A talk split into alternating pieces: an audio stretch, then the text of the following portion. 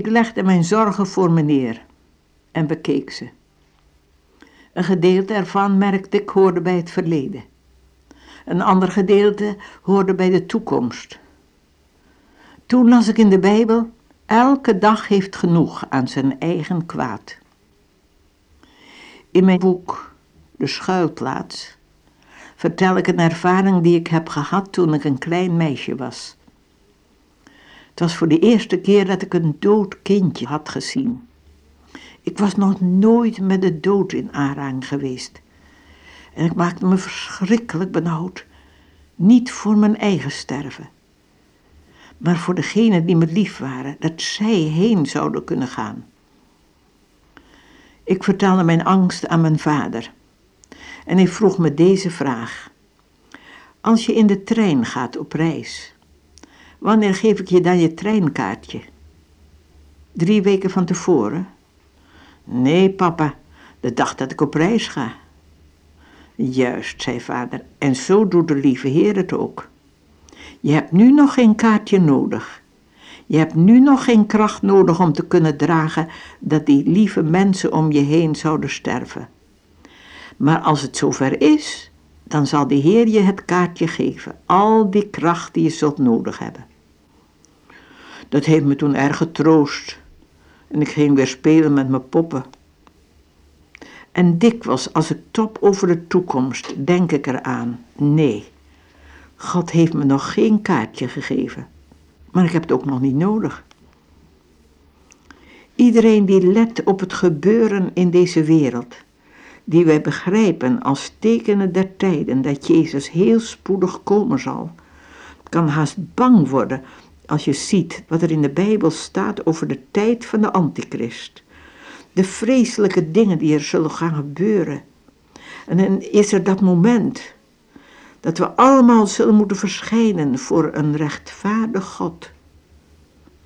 Om bereid te zijn hebben we de vele beloften nodig die in de Bijbel zijn. Wij moeten ze incasseren. Begrijpt u wat ik bedoel?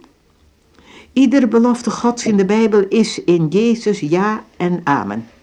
En ik merk zo en ik geloof, als ik de Bijbel zo lees, dat er zo duidelijk staat dat de Heer Jezus zelf ons klaar wil maken voor die grote dag dat we Hem zullen zien, aangezicht tot aangezicht. Ik verlang zo naar zijn komst. U ook? Waarom verlangen we? Omdat we Hem lief hebben. Maar Hij heeft ons nog veel meer lief dan wij Hem lief hebben. Daarom geloof ik dat Hij nog veel meer verlangt dan wij. We begrijpen dat we bij Zijn komst bereid moeten zijn, helemaal bereid. Wie deze hoop heeft, reinigt zichzelf zoals Hij rein is. Maar dan is er ook zo dikwijls dat proberen en dat falen. Het gaat niet. Doe nog zo mijn best om rein en heilig te zijn en te wandelen in de goede verhouding met God en met mensen, dan ervaar ik zo de verzoekingen van de vijand. En ik heb het idee dat de vijand op het ogenblik heel erg actief is om de kinderen Gods aan te vallen. Hij weet dat zijn tijd nog maar kort is. Hoe kunnen u en ik nou bereid zijn?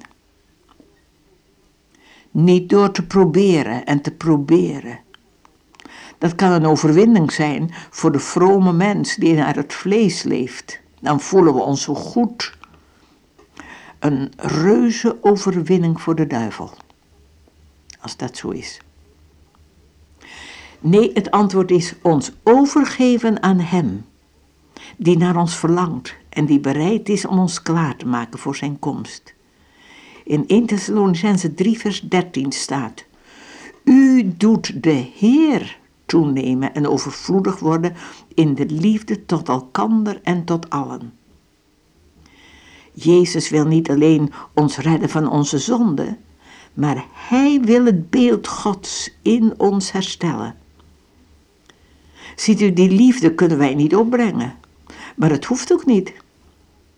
Als we onze zwakke hand leggen in de sterke hand van de Heer, dan doet Hij het.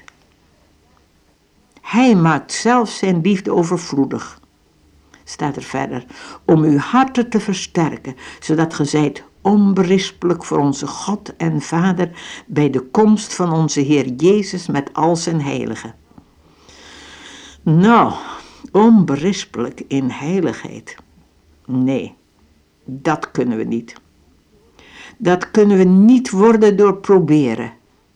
Maar dat kan Hij.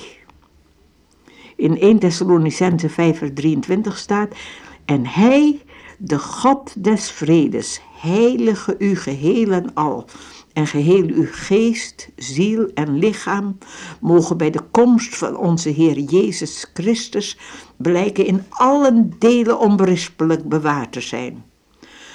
Hoe is dat mogelijk? Onberispelijk, heilig. Wat een woorden die ons gewoon bang maken als we kijken naar onszelf. Maar als we kijken naar de Heer, dan hoeven we helemaal niet bang te zijn. Want het einde van deze tekst is, die u roept is getrouw. Hij zal het ook doen. Wat zal hij doen? Hij zal u en mij het spoorkaartje geven wat we nodig hebben voor die reis. Wat is dat spoorkaartje? We zullen dat dan pas helemaal gaan begrijpen, wat we nu al een beetje weten. Dat daar aan het kruis op Golgotha alles volbracht is wat er gedaan moest worden om ons klaar te maken voor de toekomst. Jezus zei, het is volbracht. En als we naar het kruis van Golgotha kijken, dan weten we het. Hij is getrouw, die het gedaan heeft en het ook doen zal. Hij is het die ons roept. En wat u en ik moeten doen, is onze zwakke hand in zijn sterke hand leggen. Ons aan hem overgeven en dan samen met hem door het leven gaan. Houd gij mijn handen beide met kracht omvat. Weest gij mijn vastgeleide op het smalle pad. Alleen kan ik niet verder, geen enkele schree. Neem trouwe zielenherder mij armen mee. Wat is dat mooi, hè? Alleen dat woord armen zou ik willen veranderen in rijke. Ja, in onszelf zijn we arm, maar in Hem zijn we rijk. In Hem die gezegd heeft dat Hij ons meer dan overwinnaars maakt. Nou, dan hoeven we niet te vrezen voor de toekomst. Hij zal ons geleiden op het smalle pad. Dank u wel, Heer, dat we niet bezorgd hoeven te zijn, maar dat u ons zult leiden, ook door deze hele ernstige tijden. Dat niet alleen, Heer. U wilt ons maken tot getuigen van U in een wereld waar zoveel duisternis. Wilt U ons maken, het licht der wereld. Dank u wel, Heer. Amen.